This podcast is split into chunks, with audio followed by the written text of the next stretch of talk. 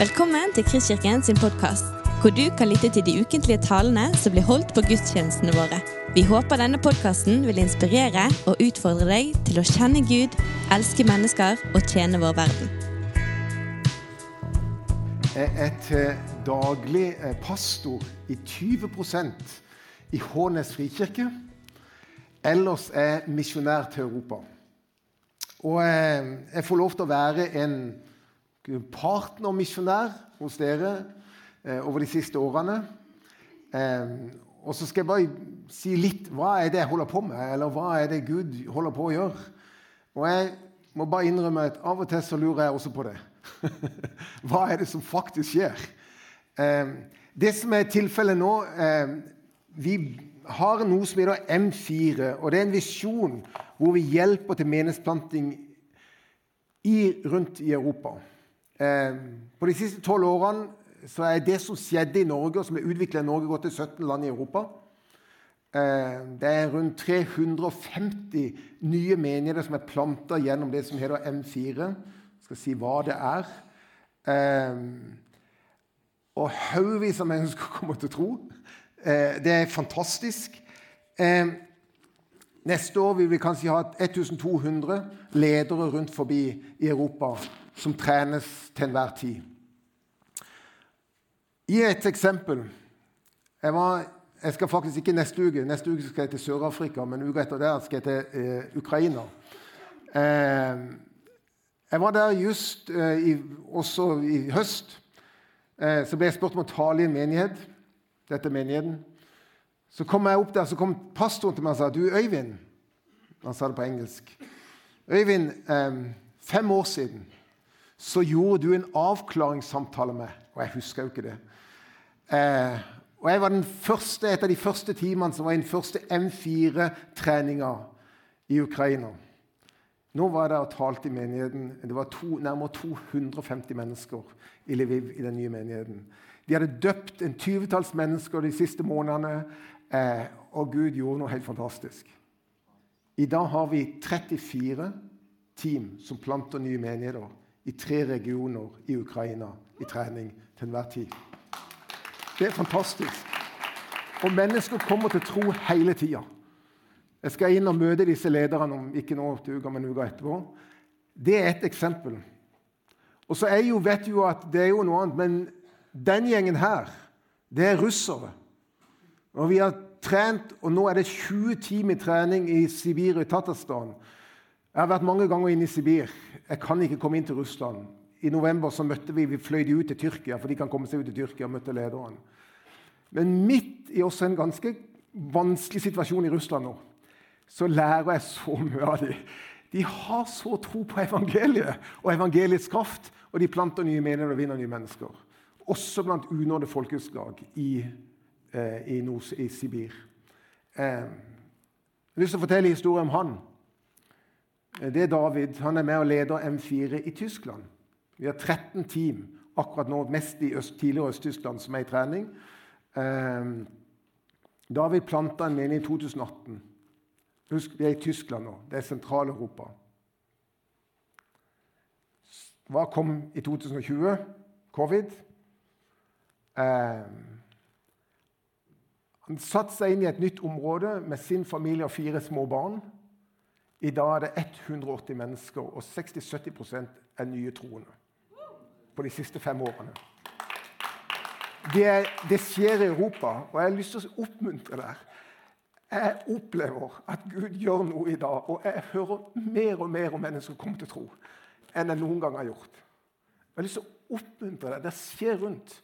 Og eh, jeg får lov til å, av en eller annen grunn, jeg vet ikke hvorfor, få lov til å tjene disse lederne bygge lederteam i alle disse nasjonene og stå bak og oppmuntre og hjelpe og støtte.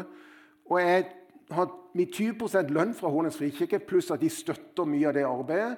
Og så er jeg 80 sånn UiO-misjonær, som jeg faktisk eh, finner opp lønna mi sjøl og skaffer lønna mi sjøl for å kunne gjøre dette arbeidet rundt forbi Europa.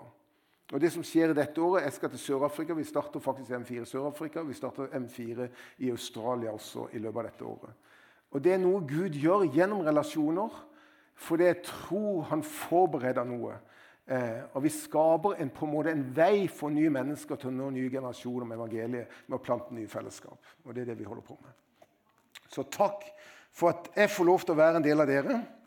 Og dere spør hva er dette M4 M4 er dette, og det er grunnen det jeg skal snakke om. Misjonsbefalinger. M4 er master, meg er gitt all makt. Det er han som er herre. Han bygger sin menighet, han kaller mennesker. Mission går derfor ut. Det handler alt om å dele evangeliet og nå ut med evangeliet til nye mennesker. Multiplication, gjør disipler. Hvis ikke vi er med og fostre opp mennesker i etterfølgelse av Jesus, så blir det ikke noe menighet på lang sikt. Movement ser jeg med dere alle dager. Gud har en større plan. Han ønsker å se en reproduserende bevegelse i Europa og til jordens ender. Og Det er en teamtreningsprosess som er forma rundt det, der vi tar inn en leder, et team, mens de planter, og hjelper de og støtter de gjennom de første to-tre årene av plantingen. Og Det gjør at faktisk, hvis vi ser at de som har gått gjennom en teamprosess rundt forbi alle land i Europa 87% når vi går tilbake tolv år, er der i dag, vokser og er levende menighet i dag. Og Det er ganske høyt tall, for å være helt ærlig, i forhold til menighetsplanting. Og Det er noe Gud har gjort, og Gud har gitt. Og vi er så takknemlige. Så takk for støtten dere gir. Takk for at dere tror på dette arbeidet. Eh, veldig takknemlig for det. Så til temaet. Guds ord. Sammen om å nå ut. Det er temaet jeg har fått. Jeg har fire barn. De er nå 30, 28, 26 og 24 år. Jeg husker tilbake når de gikk på skole. Er det noen av dere som er lærere her? Er noen, ja, det er noen av dere som er lærere. Som foreldre så sa jeg av og til de De skulle ha eksamen. Så sa jeg til de, Les oppgaven. Vær så snill å lese oppgaven én-to ganger. For du kan gi det beste svaret. Men hvis ikke du svarer på oppgaven, eller opp, det du spørres om, så er ikke sikkert resultatet blir så godt. Er dere enig i det? Så jeg, Stadig vekk så prøvde jeg å si For jeg husker jo meg sjøl. Jeg er litt sånn som i grunn, Jeg leser ikke bruksanvisninger. Jeg bare hopper rett på. Eh, det er min personlighet. Så jeg visste jo at, eh, Og jeg hadde gjort noen som brølere sjøl. Husker jeg tilbake at jeg hadde vært litt kjapp og så holde oppe på. Og Det er ufattelig viktig. I grunn sa Ove det her. Vi må tilbake til grunn, grunnstillinga. I grunnen var det et veldig sterkt ord. Vi må, vi må, på en måte tilbake til, reprogrammere tilbake til, til grunninnstillinga. Og hva er oppdraget? Jeg har lyst til å vise dette. For jeg tror at oppdraget er det, det vi må tilbake til. Det er oppdraget i misjonsbefalingen. Meg er gitt all makt. Gå derfor og gjør disipler av alle folkeslag. I dere døper dem, lærer dem å holde alt det det er oppdraget. Det er misjonsoppdraget. Men vi har også det jeg kaller generasjonsoppdraget. Det er fra, fra 5. Mosebok kapittel 6 om å gi troen videre generasjoner. Og jeg har lyst til å si noe til dere som er 50 pluss, eller kanskje er i en alder der har barnebarn. Jeg sier dette til min gjeng i Hornes frikirke. Jeg sier til de som har barnebarn, sier, vet dere, deres oppdrag er fortsatt gjeldende, selv om barna er ute av huset. Dere er fortsatt foreldre, og dere er fortsatt besteforeldre. Noen av dere er kanskje oldeforeldre.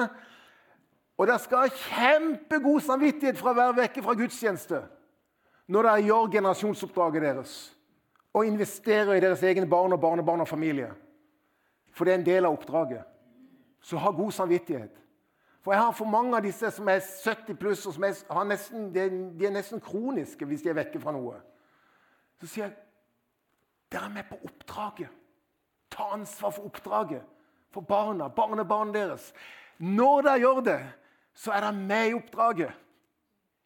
Og så har vi kulturoppdraget. Vi skal være med å påvirke den veien. Og alt dette handler jo inn om å si, bevege, påvirke å lede mennesker inn til Guds vilje, i etterfølgelse av Guds vilje, i misjonsoppdraget, i generasjonsoppdraget og i kulturoppdraget. Men det er jo sånn, og det har jeg sett mer og mer Nå har jeg vært pastor i 32 år. Og jeg var nok litt mer sånn Alt er litt mer svart-hvitt før. Jeg må innrømme det. Jeg sikkert har fått litt, formelig litt mer modenhet av visdom. Eh, Og Det er jo sånn at det fins noe som gir kraften til disse tre oppgavene, og det er det, oppdragene, og det er dette. Elske Gud av hele ditt hjerte, all din makt, all din kraft. Hvis, hvis det kjølner, så blir det ikke mye kraft til de andre tre oppgavene. oppdragene. Er dere enig i det? Men det er noe med å elske Gud og være i hans nærvær, være i hans ord og komme inn der. Det som er rart, hvis ikke det fører oss videre til å elske vår neste som oss selv og ut til nye mennesker, så er det noe som ikke helt henger sammen. For og kraften som kommer når vi, når vi lærer å kjenne Jesus da begynner vi å kjenne hans hjerte. Også for andre mennesker. Og elske andre mennesker. Og Jeg har hatt veldig liten tro på dårlig samvittighet. Men jeg har veldig tro på å erfare Gud i livet. og etterfølgelse av Jesus, og hva Jesus kan gjøre. Og det er jo sånn når vi er i dette Kanskje noen av dere jeg vet ikke om noen av dere har satt av nyttårsforsett. Men det er jo av og til vi vet hva som er rett, men det er ikke så lett. Har noen kjent på det? og vi lever i en tid der forandringstakten og valgmulighetene øker ganske kraftig. Men det gjør noe med kontinuiteten og forpliktelsen med våre liv. Og det gjør det mye mer krevende. Hvis jeg ser Vi har cirka en, ganske mange barnefamilier unge familier også hos oss. Det gjør det mer krevende. Hva har prioritet, og hva er viktig for oss? Og jeg husker, eh, for å være litt sånn åpen og ærlig eh, Linda og meg vi var med og planta Hålens frikirke. Vi fikk tre unger på fire år. Og vi begynte å vokse fra hverandre. For livet var krevende. Jeg var jo, skulle jo vinne verden for Jesus, og hun var med hjemme. Og vi merka at det er, noe som, det er noe som ikke er helt som det skal være. Eh, og det var noe med våre prioriteringer og hva vi Vi stoppa opp. Det var i 2000. Det er jo 23 år siden. Det er lenge siden. Og så tok vi en familie i DTS. Og så var vi så ufattelig glad for det. For det som gjorde med oss Vi fikk hjelp til å begynne å sortere og prioritere og parkere noe for å kunne fokusere på det som var oppdraget. Det som vi kjente Dette Gud kalt oss til. Og ikke bare meg, men oss. Og så, så fikk vi i løpet av tre måneder hjelp til å legge et fundament sammen i livet og i tjeneste. Så vi sto sammen som ektepar.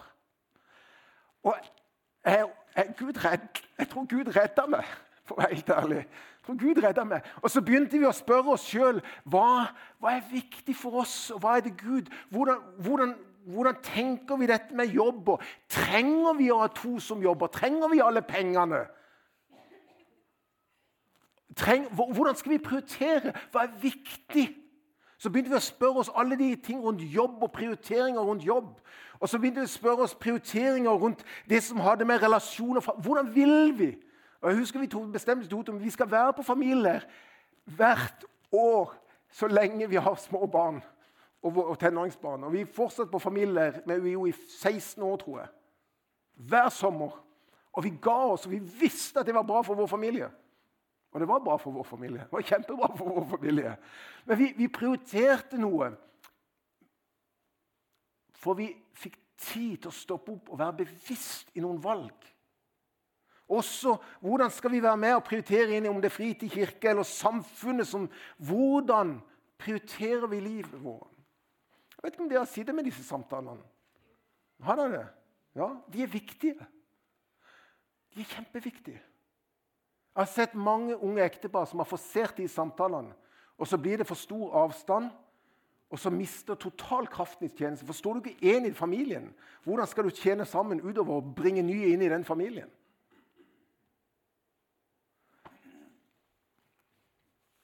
Vi har prøvd. Jeg, jeg, jeg digger jo eh, visjonen deres om å kjenne Gud, elske mennesker og tjene verden. I Hånes frikirke vi har jo akkurat samme visjon. Vi sier 'elske Gud, elske Gud, elske mennesker og bevege verden'. Men det er jo grunn. Kanskje jeg tjener faktisk bedre når jeg hører på det. Men i alle fall, under å tjene verden så har vi sagt og prøvd å sette ord på Nei, det, jeg skal ta den, ja. Det, jeg må ta den først. Eh, vi var 30 år når vi gikk inn i det. Og når du er 30 år, så, så krysser idealismen og realismen seg i livet. Det vil si, Du begynner å få så mange realistiske erfaringer av livet som det, at du begynner å stille spørsmål med dine idealistiske holdninger. Eller erfaringer. Og sa Gud eh, Dere har nå en hel haug gjeng av den som er mellom 25 og 35 år, eller 28 og 35 år i menigheten. Det er veldig fort der at mister synet av oppdraget i en hektisk hverdag. Det er det. Og det som skjer, det er at når idealismen forsvinner og realismen tar over, så slår materialismen inn og begynner å leve for det en eier og har. Og det er faktisk utrolig farlig. Eller som jeg sier, en begynner å dyrke skaperen, skapningen, framfor skaperen. En begynner å leve for skapningen, alt en eier og har, framfor skaperen som har gitt oss alt det vi er og har. Og dere som menige, når han sier til dere som er da 50 pluss, som har gått gjennom de, det er ufattelig viktig at dere er til stede nå i den generasjonens hverdag og sier at nå skal vi sammen gå gjennom her. Nå skal vi holde fokus på oppdraget. Nå skal vi holde fokus på Jesus. Nå skal vi sammen gå gjennom dette. Her trenger vi generasjoner for å klare å holde fokus på oppdraget. Vi trenger hverandre. De trenger dere. Hører dere det? For det er altfor mange der som skjener ut, og både som setter seg økonomisk og tar andre valg som gjør at de parkerer seg for lang tid. Dessverre. Der må vi inn og veilede. Vi prøver i Hånes frikirke å ta dette tjene verden, eller vi kaller det bevege verden, og si at det, vårt ansvar som menighet er å hjelpe folk til å skjønne at de er ansvarlige for et oppdraget. Og vi ønsker at menigheten hjelper dem til å spørre hva betyr det i hjemmet, hva betyr det på jobben, og hva betyr det i samfunnet? Og hvordan kan vi på de tre arenaene være med og bevege mennesker, våre egne barn Det er hjemme, eller barnebarn, eller relasjonene vi har rundt oss, på jobben vår og i samfunnet. Vi oppfordrer folk til å være fotballtrenere og til å være delaktige delaktig i nærmiljøet. Hvordan kan vi støtte, hjelpe de til å være kobla på oppdraget. Og Det er det oss som menighet og ledelse som har et ansvar for. Å hjelpe hver enkelt til å være kobla på oppdraget hele tida. Inn i sin virkelighet og i sin verden. Hvordan hjelper vi folk? Det som jeg oppdaga, det er det som dere oppdager. Det er sammen. For ofte er det så vanskelig å gjøre det alene. Og en stor oppdagelse for meg, det var dette. Dette er et bibelvers. Og Jeg har lest dette bibelverset og tenkt 'jeg, meg, jeg, meg'. Og så oppdaga jeg 19 ganger står det 'vi'. Og så, så korrigerer det min utrolig individualistiske møte med alle ting. Her står det jeg skal ikke lese hele dette, men kjernen i dette verset er dette. Les det. Ta det inn. Ta det inn. Det står ikke 'jeg'. Det står 'vi'. Hører du? Det står ikke 'jeg', 'meg', 'alt jeg. Det står 'vi'. Vi. Sammen. Og det er så mye kjekkere å gjøre ting sammen.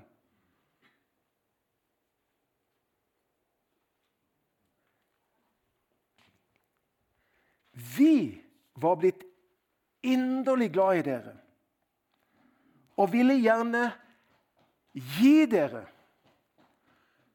ikke bare Guds evangelie, for det ønsker vi å gjøre til mennesker, men evangeliet kroppsliggjort.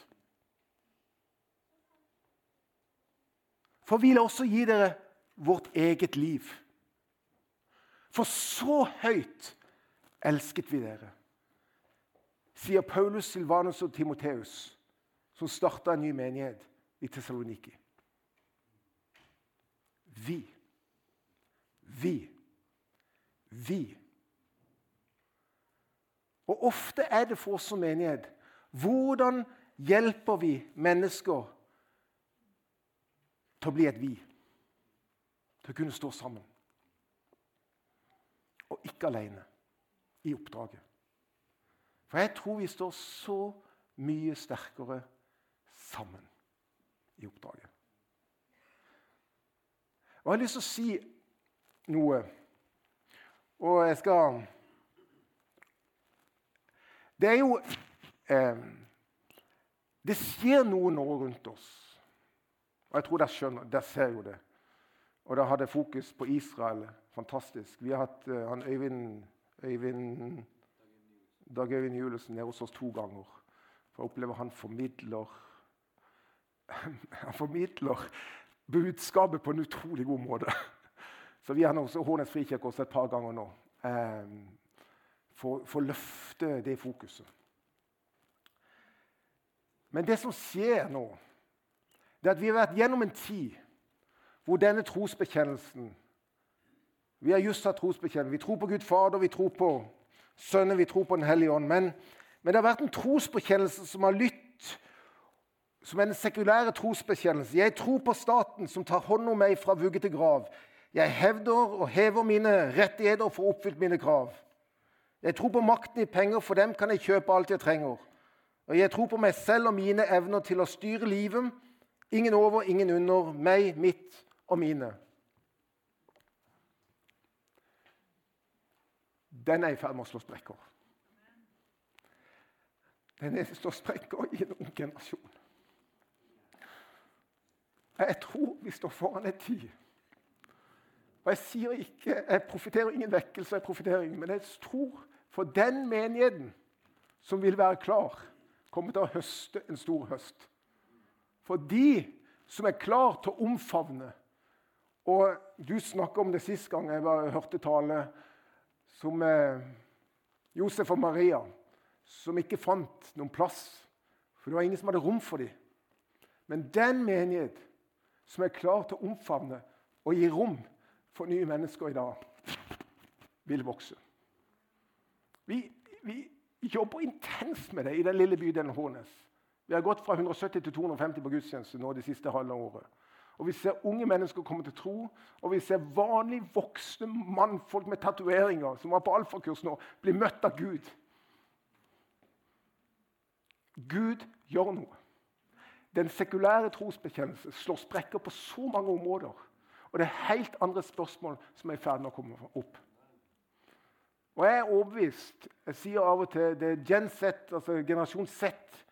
Jeg utgjør i dag nærmere 25 av verdens befolkning. Tror vi Gud vil la den generasjonen gå de neste 20 årene uten å gjøre en ny, mer radikal bevegelse?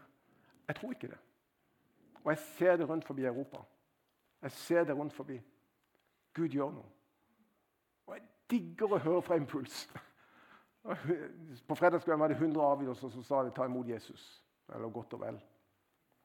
Jeg syns det er helt fantastisk å høre. Gud gjør noe. Gud beveger seg. Og jeg er overbevist om at den menigheten som har rom, som faktisk er her Vi er inderlig glad i mennesker. Vi har hatt det privilegiet å bo sammen med folk. Akkurat nå i åtte måneder bor vi sammen med en ung familie med to små barn på to og fem år. De bor i vårt hus, og vi lever sammen med dem. Det er radikalt, syns noen. Skal jeg si det? Dette er framtida. Som kristen mening kommer vi til å måtte møte mye mer radikalt enn det vi gjør i dag. For vi er fanga opp i vår materialisme, fanga opp i vår individualitet. Og Gud kaller oss til et helt radikalt annerledes liv. Og jeg kjenner Gud har kalt Linda og meg fordi vi står sammen i tjeneste, til å leve annerledes og modellere noe helt annet enn det folk sier. Og folk tenker at dere er så radikale, og det er jo så vanskelig. Det er helt fantastisk og krevende. Når Ukraina kom, så hadde vi en, tre små unger og to voksne boende i seks måneder. I det samme huset. Med et kjøkken sammen. Er det krevende? Ja. Er det riktig? Ja. Er det lett? Nei. Ikke alltid. Vi var inderlig glad i dere. Inderlig glad i dere. Og Vi vil ikke bare gi dere Guds evangelie. Vi tror på Guds evangelie, Guds kraft til frelse for hver den som tror. Vi vet hvordan vi deler evangeliet. Vi ønsker å gi mennesker evangeliet. Men mer enn det Vi ønsker å gi dere vårt eget liv. For så høyt elsket vi dere. Andreas, som er pastor på Fredheim Arena, delte noe fra sin ph.d. om disippelskap i menigheter i dag. Og Han sier fra mye av resultatene jeg går ikke inn i detalj, men sier det virker som om det er varmen i relasjonene som er hovedkraften i en livslang disippelskap. Om det er til foreldre eller venner eller pastoren i menigheten eller Det er uttrykk av opplevelsen av varmen som gjør at folk blir værende. Hvordan er varmen? Temperaturen? Vi vil ikke gi deg bare evangeliet. Men Det står jo dette ordet, det samme. Det er inderlig. Vi var inderlig glad, eller inderlig medfølelse. Vi kjente Guds kjærlighet for dere. Og det er en som eh, har sagt, og jeg siterer det av og til, at som kirke har vi ingen rett til å tale om synden og uretten i byen hvis vi ikke først har kjent på smerten i byen. Hvis vi ikke har våget å gå inn i smerten, inn i det vanskelige, og være der med mennesker. Hvilken stemme har dere som menighet? Og jeg sier til oss som vi deler ut, vi har frimat, vi deler ut mat til 100 familier hver uke nå. Eh, jeg sier hvis ikke vi blir troverdige på å vise at vi elsker mennesker bryr oss om mennesker, så er det vanskelig å stå som en konservativ menighet i framtida. For når de gode gjerningene og kjærligheten overdøver det andre, da kan vi stå frimodig. Frimodig.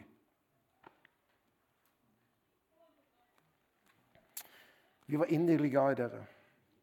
Men det starter her. Oppdraget starter i sentrum. Jesus, jeg elsker deg.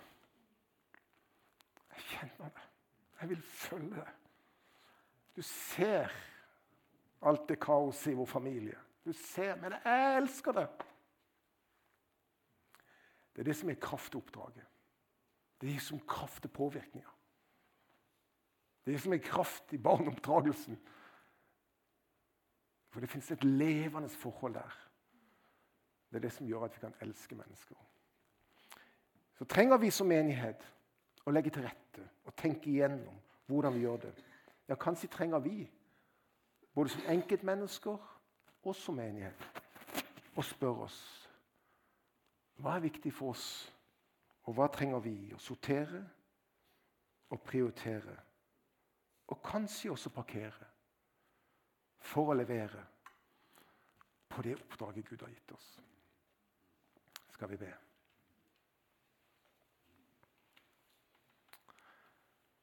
Herre Jesus, vi trenger deg, Gud. Vi trenger ditt nærvær. Vi trenger din kraft. Vi trenger deg, Gud. Herre, vi trenger å erfare igjen og igjen din kjærlighet til oss. For så høyt elsket du verden at du ga din sønn den eneste. For at vi som tror på deg, ikke skal gå fortapt, men her og nå begynner det evige liv. Med deg, Gud. Og jeg ber for denne menigheten. Herre, bare sett opp temperaturen og varmen. Styrk varmen. La de kunne si 'Vi elsker verden, mennesker rundt'. En inderlig kjærlighet. Og vil gi evangeliet til nye mennesker. Ha rom for å omfavne nye mennesker. Og gi sitt eget liv, sånn som du ga ditt liv for oss. Kaller du å gi vårt liv for mennesker. Så høyt elsket du oss. Så høyt har du kalt oss til å elske mennesker. Amen. Du har lyttet til en podkast fra Kristkirken i Bergen. Vi håper du har blitt inspirert og utfordret i din vandring med Gud. Vil du vite mer om oss, så klikk deg inn på kristkirken.no.